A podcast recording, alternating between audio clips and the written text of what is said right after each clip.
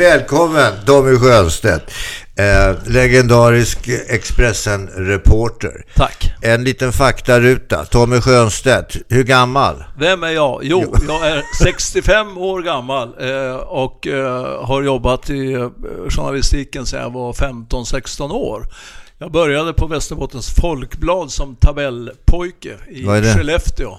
Ja, det är att man räknade ut fotbollstabeller och hockeytabeller och sådär. Jaha, och lär sig hålla reda på insläppta och gjorda mål. och Ja. Okej. ja. Eh, Sen så började jag skriva i eh, tidningen Norra Västerbotten när jag var 16 år. Eh, Jag skrev om tennis och det blev massa annat. Sen blev jag lokalredaktör på en ort som heter Jörn nära Missenträsk där vem bodde i Missenträsk, Gert? Ja, Sara Lidman. Ja, just det. just det. Just det. Ja. Och så småningom hamnade jag på tidningen C i eh, Stockholm. Det är ju en legendarisk eh, veckotidning det. Ja, Med man- skabröst innehåll, mycket bilder och Ja, lite text. Nej, det var långa reportage. Eh, Jo, men det var rätt mycket sådana här bilder som man inte fick se någon annanstans. Ja, de, de sista åren, jag jobbade där bara ett, ja, nästan två år. De sista tre åren och sånt i tidningshistoria så var det mycket nakna kvinnobröst. För att vi hade, jag minns på Sjövägen i Solna där jag växte upp, där hade vi alltså inte tidningen C, utan vi hade tidningen Idun. ja, det, det var lite beskedligare Det var, säga. det var väl dess, dess eh, vad ska vi säga, motpol Mm. kanske. Nåväl, så, så hamnade jag på tidningen C tillsammans med Lennart Ekdal som nu är Jaha. t- tv-gosse. Ja, Eh, Vi började samma dag. Eh. Han kom från Linköping och hade jobbat på Östgötakorren. Han hade väl skrivit... den finns ju kvar. Ja då. Eh, och min gamla tidning Norran i Skellefteå finns också kvar.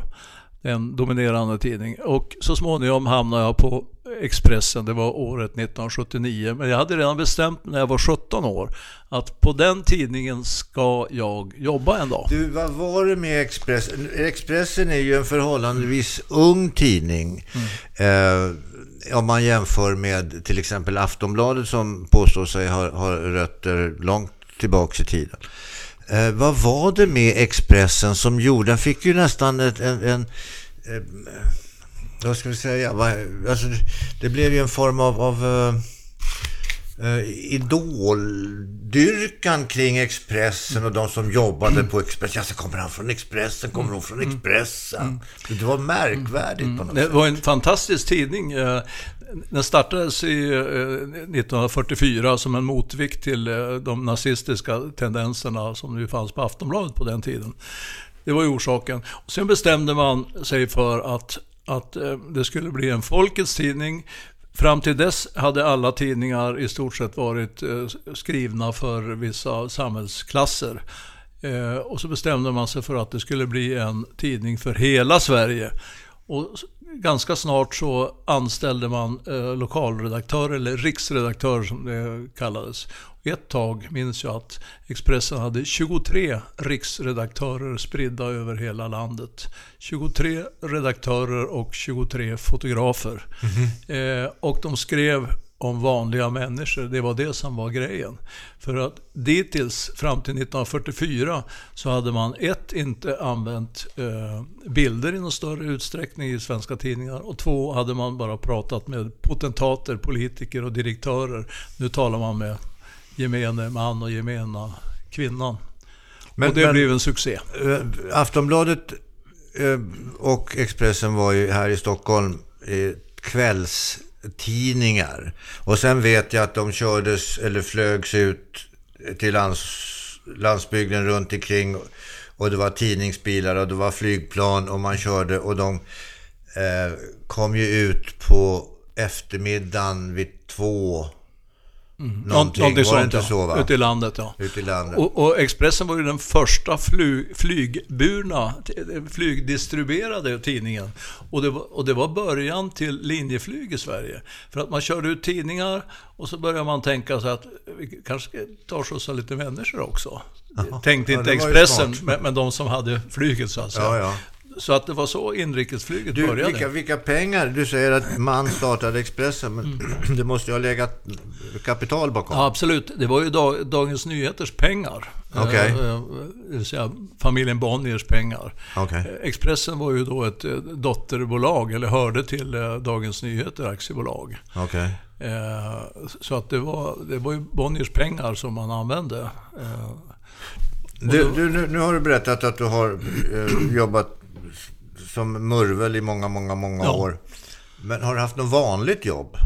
Nej, jag har aldrig haft något riktigt jobb. Du har aldrig haft något riktigt jobb? Nej, jag, jag, i, i skolåren så var jag vaktmästare på Skellefteå lasarett och eh, eh, skjutsade lik till bårhuset. Jo, men det är någonting som du delar i princip med hela... ja, alla från, Ja. från vår Annars tid. har jag inte haft något, något riktigt jobb.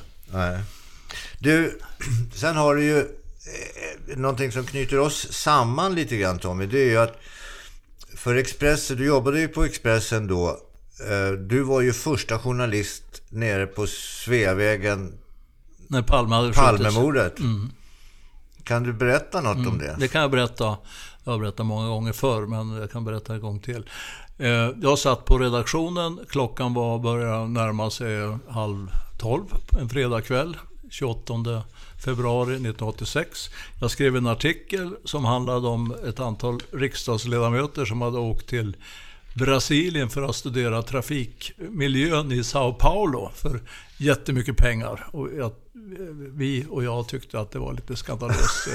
Ja, man ju mycket, mycket pengar. Ja. Då ringde plötsligt en tipsare som vi hade, en, en kvinna kan jag säga, hon är inte i livet idag, eh, och berättade att det var skottlossning på Sveavägen. Eh, jag hinner inte ringa polisen för att kolla förrän nästa tipsare ringer. Och det är en bombsäker tipsare, han är inte i livet idag heller. Eh, han, förresten, han låg på den tiden med eh, polisradion vid kudden. Åh fan. Ja. Var startklar dygnet runt. Han ringde och sa att eh, skottlossning på Sveavägen, en man skjuten, det kan vara statsministern, så åk för fan, sa han. Eh, och då hade vi så tur att det fanns en fotograf i närheten som hette Kalle Melander, en gotlänning. Eh, som var vi- fotovikarie. Eh, han befann sig i närheten. Uppe på Expressen alltså? Ja, just det. Han befann sig i närheten. I vanliga fall så brukade fotograferna vara ute på något evenemang, mm. någon nöjesevenemang som de fotograferade, men nu var det inte så. Så vi kastade oss snabbt i hans bil och körde, eh, körde till eh, Sveavägen. Och där eh, så var det en liten, liten avspärrning. Och då kan jag ju berätta idag att det var nära att jag skulle bli gripen för att jag, första bästa polis frågade jag, vad är det som har hänt? Jag vet inte, sa han. Lite bryskt så här. Eh, då sa jag, var är din chef? Jag vet inte, sa han. Och då slank det ur mig, vad vet du egentligen? Och han blev så arg så han började dra i mig och skulle dra in mig i en, en eh, polisbuss. då, då kom en annan polis till undsättning och eh, kom emellan och, och, och lugnade ner honom. Och, och jag sa, jag ber om ursäkt, det var dumt sagt det där. Jag visste fortfarande inte vad som hade hänt. Eh, fotografen... Men har de fått bort eh, liket? Ja, ja, absolut. Ja. Men blodet är kvar? Ja, då, då, då fick jag syn på en ung eh, tjej som visade sig vara 17 år och var, eh, gick på vårdprogrammet på gymnasiet i Södertälje, hade varit på bio i Stockholm. Hon stod då och torkade bort blod på fingrarna eh, på, med en pappersservett och den servetten vart mindre och mindre. Då förstod jag att den tjejen vet ju någonting Ja, ja. om det här. Så jag gick fram till henne och började intervjua henne. Och då berättade hon att jo, det var Olof Palme och jag försökte rädda livet på honom. Eh, Jag gav hjärtmassage och min kompis försökte då blåsa liv i honom. Men Okej. det gick ju inte. Nej, nej. Och då fick jag ju veta att det var Olof Palme. Och det var ju före mobiltelefonernas tid. Så jag trodde ju att jag var den enda i världen som visste vad som hade hänt. Så det kändes ju lite kymigt. Jag tänkte så här, vi måste ju stoppa pressarna. Ja, ja. Det här är ju morgondagens stora nyhet. Ungefär så. Palme är skjuten. Ja, visst. Eh, och så rullade natten på egentligen. Eh, det kom Fick ytterligare... du stopp på pressarna? Ja, eh, det var en historisk natt. Eh, det kom in eh, personal, reportrar, fotografer, direktörer, personal, redaktörer som ville vara med och hjälpa till den natten. För jag minns, vi hade ju DN då. Jag minns DN på morgonen. Jag visste ju ingenting på natten. Eh, hade man ju inte hört någonting. För det fanns ju inga sådana här... Eh, nu får man ju hela tiden nyhetsflashar i sin mm. mobiltelefon, men då fick man ju inte det. Nej. Men jag kommer ihåg, eh, på morgonen hade ju DN Palme skjuten. Mm. Och det var ju morgontidningarna, mm. så då, då, har man inte mycket tid på sig. Nej, och det var ju sista upplagan för dem också. Då bodde du i Stockholms innerstad. Ja. ja. Eh, hade du bott i eh, eh ska vi säga, Södertälje, då hade du inte fått DN med den nyheten sannolikt. Mm. Ja, det var den natten. Det var den natten och du skilde dig från den med heder. Var du först med nyheten tror du? Ja, först med nyheten. Det var ju Expressen. Jag var först på plats. Eh, första murveln på plats så att säga. Ja. Men först med nyheten kan man ju inte säga. För att Expressen kom ju inte ut förrän Nej, nej, men du, du, du kunde som första journalist rapportera till din tidning. Ja, fast på tidningen satt eh, en reporter som heter Leif Brännström. Eh, en gammal legendarisk kille som är fortfarande kvar. Han satt och ringde hela tiden till polisen och till mm -hmm. Säpo. Och till exempel Säpo hade ju inte, hade inte en susning om vad som hade hänt. Så, så, så, han läxade upp jourhavande eh, Säpo-man eh, eh, och sa att nu tycker jag du ska ringa dina chefer. Eh, så får du veta, kanske veta vad som har hänt för Palme är skjuten. Det vet vi ingenting om. Sa Säpo. Pa Palme, ja, Palme hade ju gett dem ledigt eh, den kvällen. Han hade ju inga livvakter. Nej, men det må så vara. Ja. Men Säpo kan inte släppa statsministern. Får de väl gå mm. borta då någon ja. ja, visst. Men, någonstans kan men, man väl tycka. Det var därför uh, Olof Palme blev mördad. För att uh, de hade släppt honom. Så var det ju.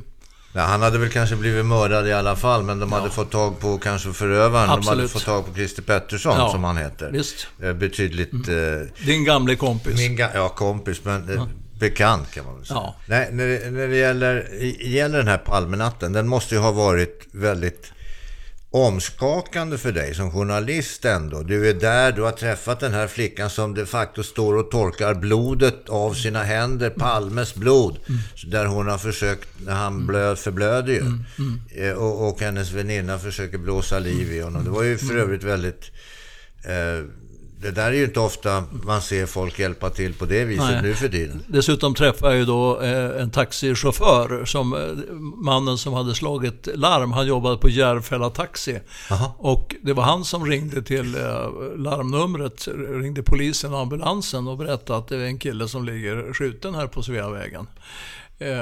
Eller rättare sagt, han ringde till taxiväxeln ja, ja. i Järfälla som sen ringde till polisen. Så var det. Du, eh, Tycker du så här i efterhand, har, har, har, har, skötte tidningarna det här bra med rapporteringen om, om eh, att Palme hade blivit skjuten? Ja, eh, det var ju, man får ju erkänna att det blev rätt så mycket spekulationer.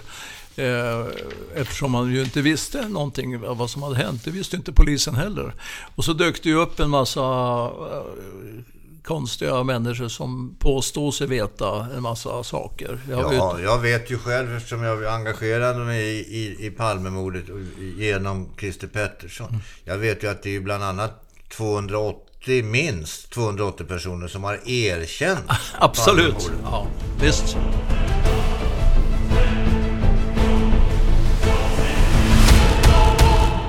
Vi lämnar Palmemordet. Har du vad, vad, vad, tycker du själv är den, det viktigaste eller märkvärdigaste skopet som du har åstadkommit? Ja, den, den, den, frågan har jag fått rätt många gånger och då brukar jag säga att de gånger jag, de saker jag är mest eh, stolt över det är när jag har kunnat hjälpa människor. Jag har varit rätt mycket i den branschen, human touch som man säger. Och I början på 90-talet så hade funktionshindrade i Sverige inte rätt till ett eget boende. Uh, nu finns det gruppboenden. Och då kom jag i kontakt med en familj, Larsson, i Oskarshamn. Uh, där bodde en flicka som hette Veronica. Eh, som var 21 år. Hon var eh, CP-skadad, hon var gravt autistisk, eh, svårt att kommunicera med och väldigt stökig för sin åldriga mor och, far. Kommunen vägrade hjälpa familjen. De orkade inte med henne längre helt enkelt. Det hade byggts gruppboende men det fanns ingen plats för henne. Då skrev jag 17 artiklar om fallet Veronica. Mm -hmm. Jag intervjuade varenda politiker som hade haft någonting med det att göra. Satte ut deras bild och namn i tidningen och frågade varför bryter du mot lagen? Ja. 17 artiklar och sen efter mindre än ett år skrev jag den 18 artikeln. Det handlar om Veronicas inflyttningskalas i ett gruppboende. Och det var tack vare mina artiklar. Så att på ett sätt så kan man säga att du blev i princip rättshaverist i, i sammanhanget. Ja, kan man väl säga. Men det är ju vad man, det är vad man kan kalla för kampanjjournalistik. Ja, men, men vadan denna human touch? Jag vet ju, du har ju varit till exempel i avlägsna platser som Sierra Leone ja. och, och hjälpt till. Mm. mm. Och du har varit på Haiti. Mm. Jag har väldigt svårt för att inte bli engagerad i saker och ting. Jag måste berätta en fantastisk historia från Rumänien. Där har jag varit många gånger. Ceausescu-tiden, var det där då? Nej, efter, strax efter Ceausescu. Men 1995 så, så hade jag fått nys om att det fanns något som heter, de kallar dem för kloakbarn. Barn som bodde nere i vad vi i Sverige kallar A-brunnar i gatan. Mm -hmm. uh, unga människor utan föräldrar, eller hade kanske rymt från föräldrarna, det vet man inte. Eh, som sniffade lim eh, och mådde jävligt dåligt. Eh, fotografen Jens Assur och jag åkte dit och då bestämde jag mig för att nu ska vi göra riktig journalistik. Vi ska inte prata med socialarbetare eller ministrar eller kommunfullmäktiges ordförande. Vi ska bara prata med barnen och låta barnen berätta sina storiesar. Mm -hmm. Så gjorde vi första dagen i Expressen så blev det fem sidor och uh, löpsedel. Och sen malde jag på. Och då fick jag kontakt med Läkarmissionen. Uh, och så startade vi en insamling tillsammans med Läkarmissionen uh, för de här barnen. Efter en månad hade vi fått in 1,1 miljon kronor mm, ungefär. Jag var ute i skolor och snackade om det här. Efter tre månader så hade vi fått in 4,4 och med de pengarna så kunde Läkarmissionen starta ett skolhem där man tog in de här ungarna från gatubrunnar. Ja, delar utav dem i alla fall, eller? Ja, ja, ja, visst, ja. visst. Och en utav de barnen, det var en, en eh, flicka, 12 år, eh, Alice. Aha. Hade bott sex år i baksätet på en, en gammal skrotbil. För hennes pappa var eh, gravt alkoholiserad och hade misshandlat hennes mamma och så vidare. Eh, sex år i, i baksätet på en skrotbil och blev nu räddad in på det här skolhemmet. Och Conny, eh, som då var chef för läkarmissionen, han frågade barnen när han var där, vad ska du bli när du blir stor? Lilla Alice, som aldrig hade gått i skolan, hon sa, jag ska bli handbollsproffs. Aha, det var ju gulligt. Ja. Hon, läste, hon var 12 år och läste in plugget, eh, det hon hade missat på mm -hmm. något år. Eh, för tre år sedan eh, så eh, kom jag på att vad hände med Alice egentligen? Mm. Eh, nu är hon ju vuxen. Det tog mig en vecka att spåra upp henne. Mm. Och då gör vi en konstpaus. Vad tror du hade hänt henne? Jo, Gert. Jag hittade henne i Paris. Jaha. Där hon var handbollsproffs. Mm. Fyllda 30 år. Och där bodde hon med sin rumänske kille som också var handbollsproffs i en, okay. en klubb. Och sen dess har vi haft kontakt. Och det är en fantastisk ja, sak. Det är, det är en fantastisk historia. Ja. Och, och, alltså, och där, nu, har, nu har du haft en tidning i ryggen, kan man säga. Ja. Och haft en plattform för, för, för ditt eh, arbete eller dina tankar eller ditt rättvisepatos mm. eller mm hur, hur du på något sätt kan få möjlighet att föra ut det här. Men det är ju inte alla som har, men många vill ju trots allt hjälpa till. Mm. Många mm. vill ju hjälpa till. Många vill att ser elände, säger, men vad fan, det här går inte, jag måste göra någonting. Men Mm. jag har ju inte, alla har ju inte en tidning i ryggen, eller en radiokanal, eller ett tv-program eller Ja, men, men alla kan göra någonting. Jag är engagerad i en hjälporganisation som heter Hoppets Stjärna. Okej. Eh, det har jag varit nu i rätt så många år. Eh, och jag kommer just nu hem, eller just nu, för en månad sedan, hem från Rumänien där jag har varit i en ruskigt, ruskigt fattig by. Eh, Hoppets Stjärna upptäckte för tre år sedan att eh, att människor frös ihjäl i sina bostäder. Och nu kallar vi bostäder, det är ju mer eller mindre hyddor utan fönster. Eh, Hoppets Stjärna började sponsra familjerna där med, med fönster och ytterdörr så att de inte skulle behöva frysa. De köpte ved så de kunde elda i sina, eventuellt om de hade spisar. Sen startade man eh, i denna by, Valeria Siaka, startade man ett skolservicecenter för de allra sämst bemedlade barnen. Så gjorde man upp kontrakt med eh, föräldrarna. Du får inte ta ditt barn från skolan om vi ska hjälpa dig med fönster eller täta taket eller vad man nu hjälpte dem med. Så att de, de var ju analfabeter föräldrarna. Ja, ja, det, ja, det är klart. Eh, Men och, ja. och kommungubbarna de sa det här kommer aldrig gå. Kommer, de här barnen eh, de, är- de är vilda barn. De kommer aldrig till det här. Vad hände? Jo, det blev kö till det här stället. Så varje dag kommer det ungefär 50, mellan 50 och 60 barn till Hoppets Stjärnas eh, skolservicecenter i Valea Siaka. Och då har man anställt två lärare som hjälper dem med läxorna. För hemma kan man inte göra läxan för att de har ingen värme i huset, de har ingen elektricitet. Och ingen som förstår att läsa och Nej, och hjälpa och, dem pappa, heller. mamma och pappa kan inte hjälpa med läxorna. Och, och där, får de, eh, där får de då hjälp med läxan. De får ett mål varm mat. De får duscha, eftersom hemma har de inte någon Nej, rinnande nej. vatten. Och de får sina kläder tvättade. Och detta har ju blivit sån succé, så nu har Hoppets Stjärna byggt fy, ytterligare fyra eh, sådana eh, skolservicecenter. Men du, det där, det, det, Hoppets Stjärna måste ju få in pengar för Ja, att bekosta det, det. det är enskilda personer eh, som skänker pengar. Du kan göra det, eh, jag kan göra det. Och du som lyssnar kan göra det. Ja, precis. Hoppets Stjärna. Hoppets Stjärna och ute i världen heter det Star of, of Hope. Ja, det var Då- inte så svårt. De, nej, de har en verksamhet eh, på många ställen. Men du, ofta så är det ju så. Jag, jag har ju, är ju själv ganska tveksam till att ge pengar till institutioner. Av det skälet att man vet att ungefär 70 procent av pengarna eh, går till administration. Ja, det är, ju- det är ju eh, intressant det du säger. Därför att eh, har man 90-konto så, så får, du vet vad 90-konto Ja, är? ja, ja. Då får inte mer än 25% gå till administration och insamlingskostnader. Som det heter. 25 procent gränsen där enligt statuterna i 90-kontostiftelsen. Och Hoppets Stjärna här har 16,7 procent i kostnader för insamling och eh, Men, du, administration. men om, om det nu är, nu är jag pensionär och du, du är pensionär. Men kan man, som jag då, som inte vill ge pengar, kan jag åka ner rent fysiskt Ja, och skulle- hjälpa till? Det skulle du säkert Alltså, kunna det är göra. inte så att jag ska kräva betalning Nej, för nej, mitt nej. arbete, Nej. utan jag tar mig Ja. ner eh, på, på, e- med egna medel och så jag kan hjälpa till. Det är en jättebra idé. Det är klart att du kan göra det. Jag kan förmedla den kontakten om du vill. Okej. Ja. Sen finns det en massa andra roliga saker man kan göra. Jag har nyligen blivit engagerad i Antonia Axelsson Johnsons stiftelse Ax Foundation som har något som heter Yrkesdörren. Eh, och nu hjälper jag just nu eh, två stycken tjejer.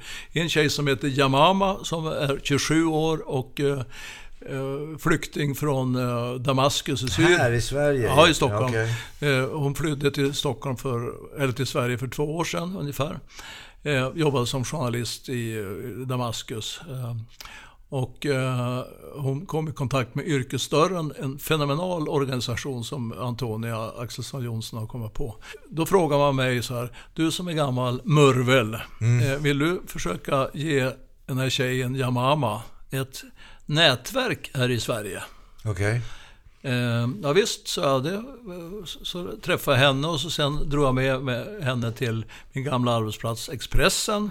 Eh, där hon då fick träffa chefredaktören Thomas Mattsson och lite annat folk. Jaha. Eh, så drog jag med henne till TV4 och fick träffa cheferna där. Så drog jag med henne till, till SVT där hon fick träffa cheferna.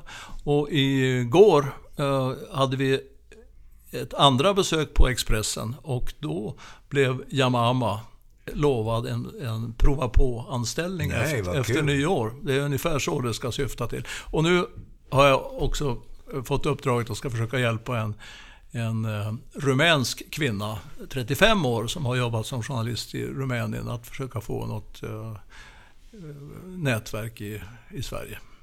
Ja, och det, det är fantastiskt. Det, sen å andra sidan när man hör de här på tv så gör de olika rapporter. Alltså, de har gjort reportage, olika sådana här SOS Barnbyar och allt vad de nu heter. Och så, så är det då en liten flicka där på 8-12 år. Ja, ja, och det är fruktansvärt allting. Och alla ska de fan med bli läkare. Alltså jag står inte ut med det va. Mm. Ja, det verkar så jävla tillgjort. Ja, men det, det, korkat. det, det är ju inte så. Utan, eh, eh, jag har ju stött på jättemånga barn. Eh, Jag har varit på Haiti också. Eh, och, Ja, ursäkta mig, men jag blir provocerad av Ja, sånt där, att ja, alla ska bli det- läkare. Ska ja, du inte men- säga något annat? Ja, de brukar säga advokat också. Ja, advokat eller läkare. Ja, och, och det Ja, beror på att det är det absolut finaste de vet i sitt fattiga land. Och läkare betyder mycket, mycket mer för dem än vad läkare betyder för dig egentligen. Ja, ända till jag blir sjuk. Ja, ja. Nej, men så är det ju. Jo, men jag, jag, jo, men jag förstår det. Men för, för, alltså ska man vädja till mig som... som Då ska de säga busschaufför. Nej, jag skulle vilja... En som... eh, Vad vill du bli när du blir stor? Jag skulle vilja bli en som har förmåga och kraft och möjlighet att hjälpa andra. Ja. Det skulle jag vilja att man sa. Ja, okej. Till exempel.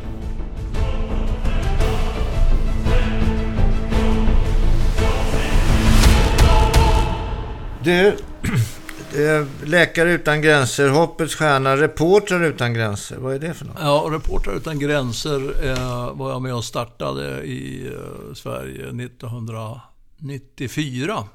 Det var bland andra Karin Boys som eh, så småningom blev vetenskapsjournalist på Dagens Nyheter.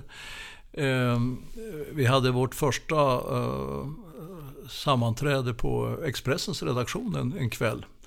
Eh, och det eh, syftar ju till, jag hade haft kontakt med eh, Reporters Sans Frontières i, i Frankrike.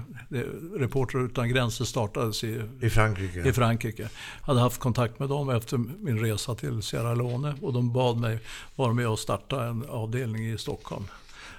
Det var vad jag gjorde egentligen och var engagerad där i ett år ungefär. Sen, sen tyckte jag att det blev lite för akademiskt för min smak. Men du, vänta ett tag här nu. Nu har, nu har du har engagerat dig väldigt mycket olika organisationer och du har varit med väldigt länge och du har startat olika grupperingar.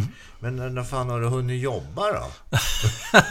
Ja, ja, det kan man ju undra. Jag har ju haft en så bra arbetsgivare så att eh, mitt långa eh, engagemang i Sierra Leone det har jag fått eh, sköta på arbetstid faktiskt. Jaha. Jag har suttit på Expressen och gjort löpsedlar till tidningen eh, i Sierra Leone, eh, For the People, och skickat med Heter posten. tidningen... For the People. Okej. Ja. Eh, till exempel, eh, jag har suttit på Expressen och ringt runt till Sida och lyckats få loss eh, ett par hundratusen kronor för att köpa en eh, tryckpress till tidningen i Sierra Leone. Jag hittade tryckpressen i Kiruna, en offset, ganska avancerad offsetpress. Den skjutsades ner med ASG på lastbil, skulle lastas om i Stockholm under helgen, fick stå utomhus i regnet oövertäckt under en helg. När jag kom och skulle inspektera den där på måndag morgon så var den ju genomrostig. och fick repareras för 20 000. ASG sa du? Ja, precis. De, deras försäkringsbolag fick stå för det. Nu finns inte ASG längre. Nu heter det DHL. Och, och ingår i en större Ja, koncern. så, så att, så att mitt, engagemang eh, har haft stort stöd från Expressen. Och min kompis då Paul Kamara som var chefredaktör eh, på tidningen och så småningom då sportminister också. Eh, Jag ringde honom varje dag innan jag skulle gå hem från jobbet och fråga hur allting var. Och en dag sa ja, nu skjuter de utanför, med, med, uh, utanför redaktionen här. Uh, man ska komma ihåg att det var en militärjunta uh, som ledde landet under den tiden. Ja, det var hemskt där nere. Ja, precis. Ja. jag minns att jag sa, åk hem och göm dig för du vet ju att du kan vara måltavlan. Nej, det går inte. Jag måste göra tidningen klar. Mm -hmm. Två timmar senare så sköts han. Han, han satte sig i bilen, skulle åka hem, sköts med ja, fem, sex skott. Eh, som tur var så träffade de flesta i, i benen. Mm -hmm. Och då kom det fram en, en soldat och skulle, med ett, eh, en revolver och ge honom nådaskottet i huvudet. Men blev rädd av någon anledning eh, så att ja. han sköt inte. Paul blev sen fraktad till eh, London för operation och var Jaha. rätt så risig kan man säga. Men nu då? Ja, nu eh, kandiderar han till att bli president i Sierra Leone. Okay. Ja, och han har gett, bett mig om hjälp eh, med det också, fast jag har lite svårt. Jag har, Ska du bli hans pressombudsman? Nej, jag tror inte. Jag har försökt engagera gamle KD-ledaren Alf Svensson Aha. som har lovat att eh, försöka vara lite mentor. Ja, bra. Ja. Då ska jag, jag känner ju också Alf. Ja, en hedersman. Ja, absolut i allra högsta grad. Det finns inget ohederligt i honom. Tvärtom. Jag ska lägga på honom om detta. Ja. Men du, han var ju sportminister sa du. Ja, Inte precis. Alf utan... Nej, Paul Camara. Paul Camara. Ja. Gjorde han några framsteg som sportminister? Ja, eh, jag vill säga att... Eh, han la sig i alldeles för mycket. Ehm, eh, Toppstyrde alltså? Precis. Okay. Så en dag, jag blev lite förbannad på, på honom. Därför att internationella fotbollsförbundet, Fifa heter det väl va? Ja. De hotade att utesluta Sierra Leones landslag från allt samarbete för att sportminister Kamara, min kompis, la, la sig i för mycket. Då ringde jag till honom och sa, nu får du lägga av. Du ska veta att du bor inte i, i Nordkorea, utan det är Sierra Leone. Det ska vara ett demokratiskt land. Okay. Så jag fan, jag lägger i allting.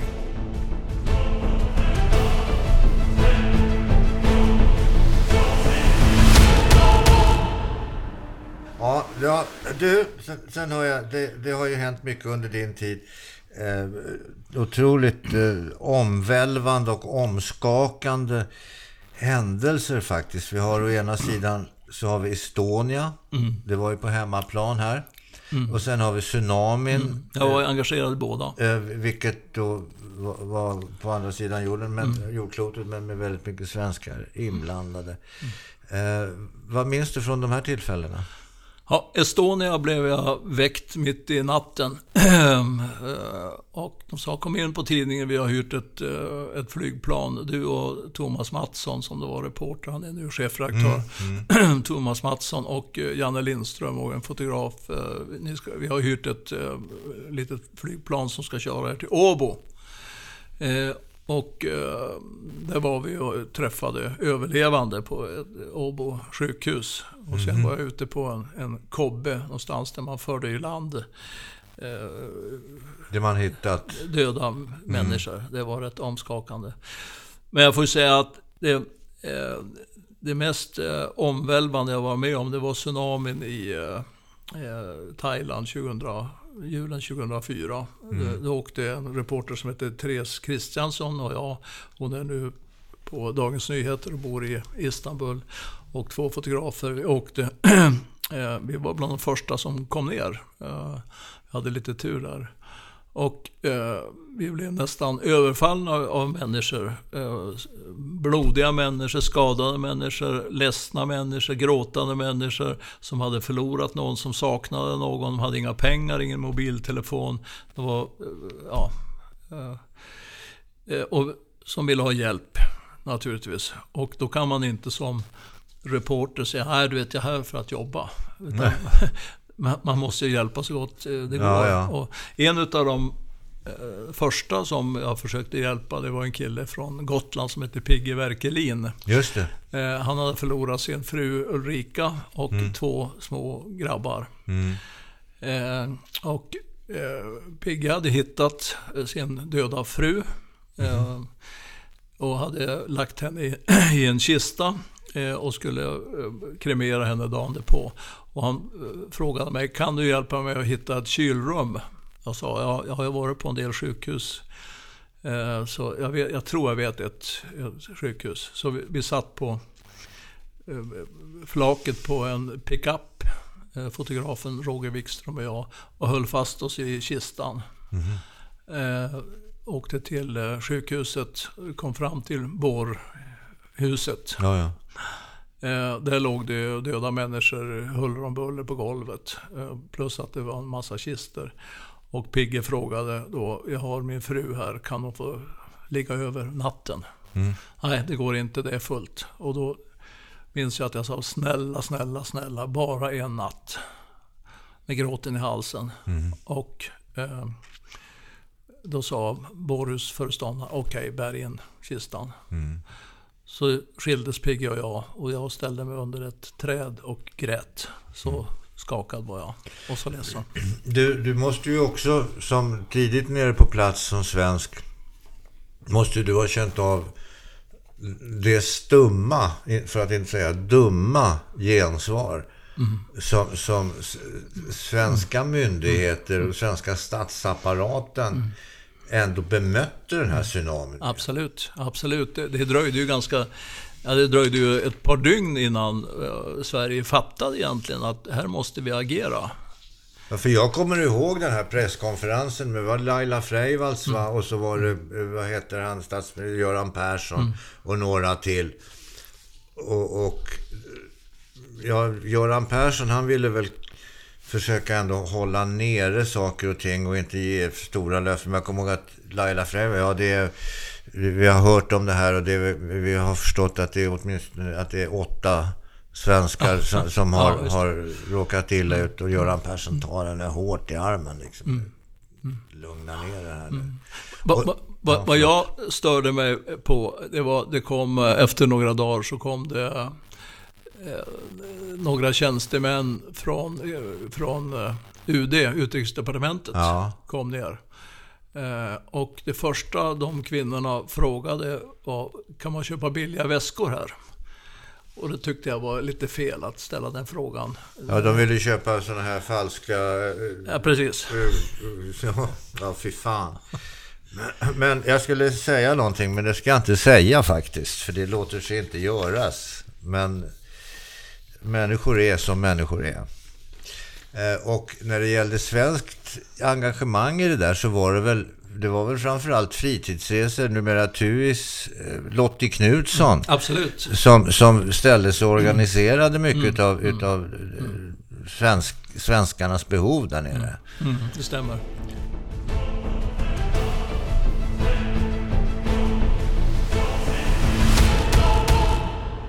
Som journalist, oavsett egentligen vilken journalist, om vi tar en sån där skala där man står som ung, oerfaren eller som gammal mm. murvel, så är det ju väldigt viktigt att man har kontakter, som det heter. Och att man har de här tilltänkta och möjliga intervjuoffrens bara det ordet, intervjuoffer, ja. eh, alltså medgivande, att man ligger bra till. va Mm. Och då är det ju viktigt att man ligger bra till eh, bland de här topparna.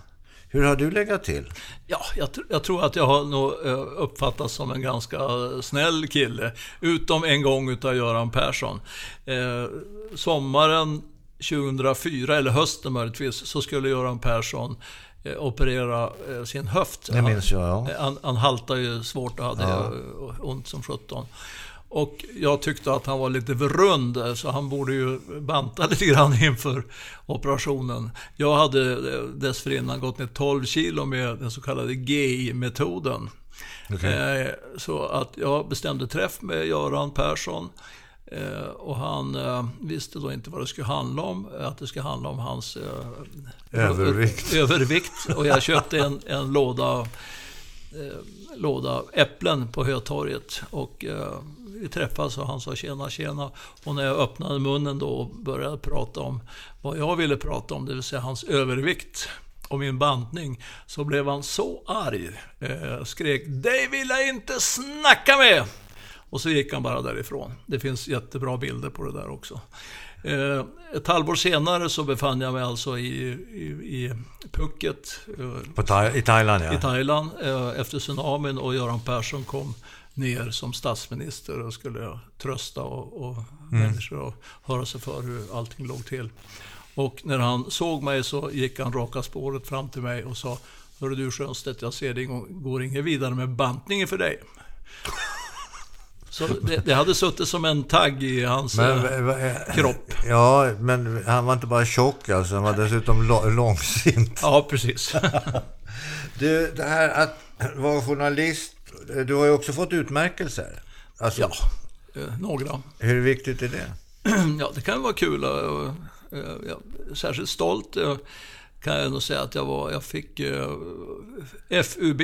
Vad är det? det het, på den tiden hette det Föreningen för eh, utvecklingsstörda barn. Nu heter det något helt annat. Eh, det, det, var efter några artikelserier som hette Sveket mot de, mot de handikappade. Där bland annat den, den här, artik- Veronica du pratade om? Ja, precis. Ja. ja eh, det var jag ganska stolt över. Du, får jag fråga dig en sak? Man, man, man har ju hört talas om och också uppfattat och upplevt kanske det söps en del på redaktionerna förr i världen. Absolut. Eh, när jag kom till tidningen C 1978 så var det väl, eh, ja, ska vi säga, hälften av medarbetarna, eh, nästan i alla fall, som hade en kvarting i, eller några öl i skrivbordslådan. Och det dracks lunch eh, och det dracks eh, öl på eftermiddagarna. Eh, som tur var så hamnade inte jag i det träsket, för det hade jag aldrig orkat med. Vare sig Lennart Ekdal eller jag hamnade i det träsket. Och så gott som alla de medarbetarna som hade fastnat i det, det var ju missbruk, ja, ja. Eh, de eh, dog efter några år. Ingen av dem finns kvar längre. Nej. Och när jag kom till Expressen, då hade man eh, 1978, då hade man, året dessförinnan tror jag, tagit bort mellanölsautomaten. Ja, just det. Eh, så det förekom ju alkohol där också. Idag är det en helt annan eh, kultur på svenska mediebolag. Skulle man sitta med en kvarting i skrivbordslådan och tuta lite då och då, då skulle man försvinna ganska snabbt. Ja, ja, ja, det är mycket möjligt. Jag vet inte, jag har aldrig... Jag har, den här spritromantiken, eller vad den heter, den har aldrig drabbat mig. Eller, jag har aldrig varit engagerad eller intresserad av att, att dricka. Jag kan dricka, men under speciella omständigheter. Men, men det är inte så att jag behöver tuta här. Ja, du vet. Jag hade ju en syster för övrigt som jag vet att du har sprungit på mm. vid något tillfälle som söp ihjäl sig mm. mm. faktiskt. Jag träffade henne på tunnelbanan en gång. Ja, du har nämnt det vid något tillfälle. Det är väldigt märkligt mm. också. Visste hon vem du var?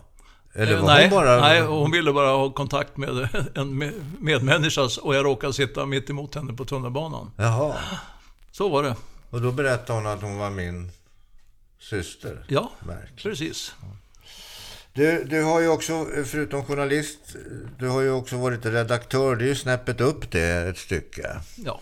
Kan man väl säga. Ja, men redaktören är väl den som ska sammanställa materialet. Ja, och bestämma vad som ska vara med. Göra tidning utav det. Mm. Och du har ju också jobbat, inte bara inom Expressen, du har jobbat inom SEM, du har också jobbat inom den skvaller Precis, Se och Hör, där jag började 1996 okay. som redaktionschef och sen blev jag chefredaktör efter ett, en tid. Och så småningom fick jag sparken för att upplagan var alldeles för låg.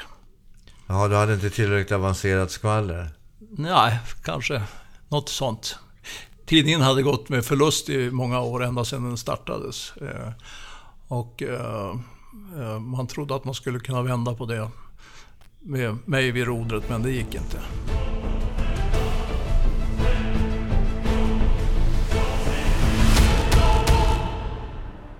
Jo, alltså det finns ju en massa människor som har gjort väldigt mycket bra saker och sen finns det människor som inte har gjort någonting egentligen men som blir otroligt populära av något skäl.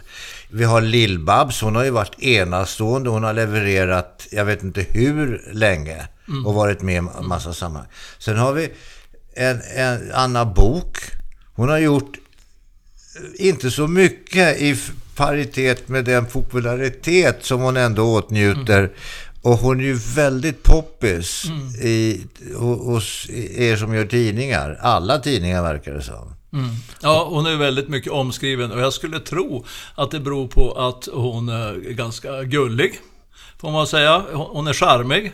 Eh, hon är tillmötesgående mot journalister och eh, hon har berättat väldigt mycket dramatiska historier om sina operationer och om hur magen sprack och så vidare. Så att eh, det har blivit en hel del ja, det senaste, rubriker. Ja, och sen det, det som var nu efter, efter det att hon hade vunnit det här Biggest Loser berömd kändis vad det hette.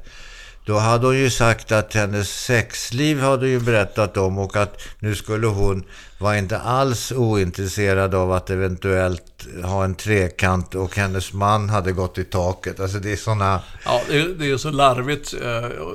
Och i det fallet så tycker jag det är väldigt skönt att jag har gått i pension och slippa vara med om sånt slask. Men du, du har du några sådana där... Du, du nämnde Göran Persson här för ett tag sedan, att ni drog inte riktigt helt jämnt efter det att han hade... Eller du hade gått på honom ja. på ett sätt som han inte gillade. Ja. Eh, har du några sådana där hatobjekt eller favoritobjekt? Ja, eller? Inga, inga hatobjekt. Det beror på att jag alltid har varit en sån präktig kille så jag har inte haft några fiender direkt. Men jag har ju några favoritpersoner okay. som jag har intervjuat många gånger som jag kan ringa, eller kunde ringa när som helst. Och en av dem var eh, Lill-Babs. Eh, okay. Som för övrigt hjälpte mig till mina första hörapparater eh, för en del år sedan. Jaha. Eh, hon är en fantastisk kvinna som levererar år från år. Eh, och jag minns att jag var med och eh, uppvaktade henne när hon fyllde 50 år. Och nu fyller hon nästa år fyller hon 80 ja. år. Och när jag uppvaktade henne på hennes 50-årsdag, då hade hon en eh, privat tillställning i en svit på Sheraton. Okay. Eh, och där var ju pressen absolut inte välkommen. Men jag fick följa med en kompis till henne. Eh, som heter Björn Larsson Ask, en fotograf. Och jag hade gjort en löpsedel med 50 Lill-Babs-bilder. Och det var nog första gången som jag såg kindpussar. Jag, jag umgås inte i sådana sällskap där man kindpussas direkt. Eh, Lill-Babs stod på ett podium och alla fick stå i en kö för att eh, komma fram och säga några och överlämna en present och, och ja, kindpussas. Ja, kindpussar. Och jag tänkte så här, kindpussar, ingenting för mig. När jag kommer fram så pussar jag henne på munnen. Och Eh, jag tog sats eh, för att pussa henne på munnen och hon hade ju räknat med en kindpuss. Så hon upptäckte inte kuppen förrän eh, jag var ungefär två millimeter från hennes röda läppar. Då hon svängde bort sitt ansikte och det blev en himla bra bild utav detta. Och, sen upptäcktes ju, hennes släktingar sa att Ja, men du skulle inte bjuda in några, några journalister och du är ju en kille från Expressen här. Ja. Och då minns jag Lill-Babs började gråta. Och då gick jag därifrån. Så. Ja, men det där, det, där, det där kan ju vara känsligt därför att du, du är ju både vän med människor och journalist. Och det betyder ju att ibland så blir man inbjuden till någonting eller med på något kalas. Och där, där det händer konstiga saker som man vet skulle kunna rapporteras. Mm. Men jag har aldrig blivit inbjuden på några kändiskalas. Aldrig. Nej, en, en då, enda gång har jag varit på kändiskalas. Jo, jo, men du har väl haft... Du, du har väl ändå folk som du känner. Som, som, eh, som nu med Lill-Babs till exempel. Mm. Jag menar, där är det ju... Är man, är man journalist när man är där eller är man privatperson mm. när man då var där? jag journalist. Men hade ju lurat mig in på, Aha. denna okay. privata fest. Men då tog du din Mats ur skolan som den... Väl, när hon började gråta så gick jag genast därifrån. Välartade människa du är. Du, Eh, sen finns det ju någonting som heter, numera har ju det blivit väldigt populärt. Jag har själv aldrig riktigt förstått vad det är. Men det är ju så kallade fake news. Mm. Det var Trump som, mm. eh, USA-presidenten, som lanserade detta fake mm. news. Vad är det för mm. något? Eh, det sitter ju uh, troll kan man säga. Uh, internettroll här och var i världen som vill påverka människor. I Ryssland har det ju belagts, finns det ju en hel stab med statliga fake news-troll. Och eh, påstår, Som alltså helt enkelt fabricerar, fabricerar nyheter. eh, falska nyheter för att styra debatt till exempel. Jag såg igår eh, på Twitter en eh, person eh, hade twittrat iväg en bild på, på eh, ensamkommande flyktingbarn på Medborgarplatsen. Från deras protestaktion där i augusti, september när det var. Och där satt då ett antal kvinnor med barn på den bilden. Och då var det något troll som påstod att, att eh, de var inklippta, att det var photoshoppade bilder. För att folk skulle tycka synd om dem. Men det, det fanns ju kvinnor bland, bland Ja, ja. de ensamkommande också. Ungefär sådana nyheter florerar. Och nu vet jag ju att det är de äldre människorna i Sverige, det be- belades i en undersökning för några veckor sedan, de äldre människorna, medelålders människor, som tror mest på sådana nyheter. De unga människorna, de är mycket mer vana vid att eh, selektera eh, information på internet. Så Jo, men det där är ju lite grann å ena sidan som en ding-ding-värld, va? den här tidskriften där där, jag kommer ihåg, jag pratade med chefredaktören där, han sa det, ja färgbilderna, de kan man ju lägga, ett, de kan ju vara sanna. Men det svartvita materialet, det är definitivt inte sant. Men det där för oss in på en, därför att jag förstår det där med äldre människor. Därför att de har alltid trott på det som är skrivet i tidningen och de har trott på de bilder som är. Ja, visst. Men nu har ju, de har ju inte hängt med i tekniken. Nej. Och det där är ju lite sorgligt att unga människor idag, ja men de, de har inga, de har inga referenspunkter mer än att det förmodligen är fel, att det är ljug alltihopa. Det är helt tråkigt. Mm, mycket. Läskigt Mycket- är det dessutom. tråkigt. Men du, du, du har ju då varit med från början. Tekniken har ju utvecklats under den tiden som du har jobbat som journalist något enormt. Jag var ju med på den så kallade blytiden. Eh, när man skrev eh, skrivmaskin på eh, manus, lappar. Eh, skickades upp i eh, sätteriet där det fanns sättare som eh, skrev ut. Och, och så var det en maskin som spottade ut typer, alltså bokstäver som var gjutna i bly. Och sen tillverkas det, ja, det är en, en lång process. Det, det blev en tryckplåt utav det där. Så Hur gjorde ni med bilderna då? Ja, bilderna gjorde man klichéer. Man etsade in bilderna i ett material, en zink tror jag det var. Eh, Och så sen sattes det fast på den här tryckplåten. Vilken jävla procedur. Ja, och eh, när jag började vara ute i, i världen eh, då, då fanns ju inte mobiltelefoner och den digitala fototekniken. Då hade man med sig ett eh, fotolabb. Fotografen hade med sig en jättestor tung väska. En Med, reselapp. med, ja, med en, med en eh, telefotosändare som vägde 15-16 kilo. Han hade, hon eller han hade med sig framkallningsvätskor och en förstoringsapparat. Och man hade med sig eh, mörkläggningsgardiner. Man höll ofta till i någon skrubb på något hotellrum eller möjligtvis i badrummet som man mörklade. Så gjorde man bilder och så torkade man det med en hårtork. Och sen så satte man dem i den här eh, telefotomaskinen och skickade iväg. Så där hade du inte fått resa en gång idag. Du hade inte kommit igenom säkerhetskontrollen. Nej, och, med och, de nu, och nu, nu kan man ta bilder med mobiltelefonen och skicka iväg från Ja, djupaste Afrika till Stockholm. ja nästan till i alla fall. Du ska bara ha täckning som det heter. Ja. Tommy Sjöstedt, legendarisk murvel. Eh, bland annat får vi säga från Expressen. Stort tack för att du kom hit och delade med dig. Tack för att jag fick vara med. Skakar vi hand över bordet. Tack.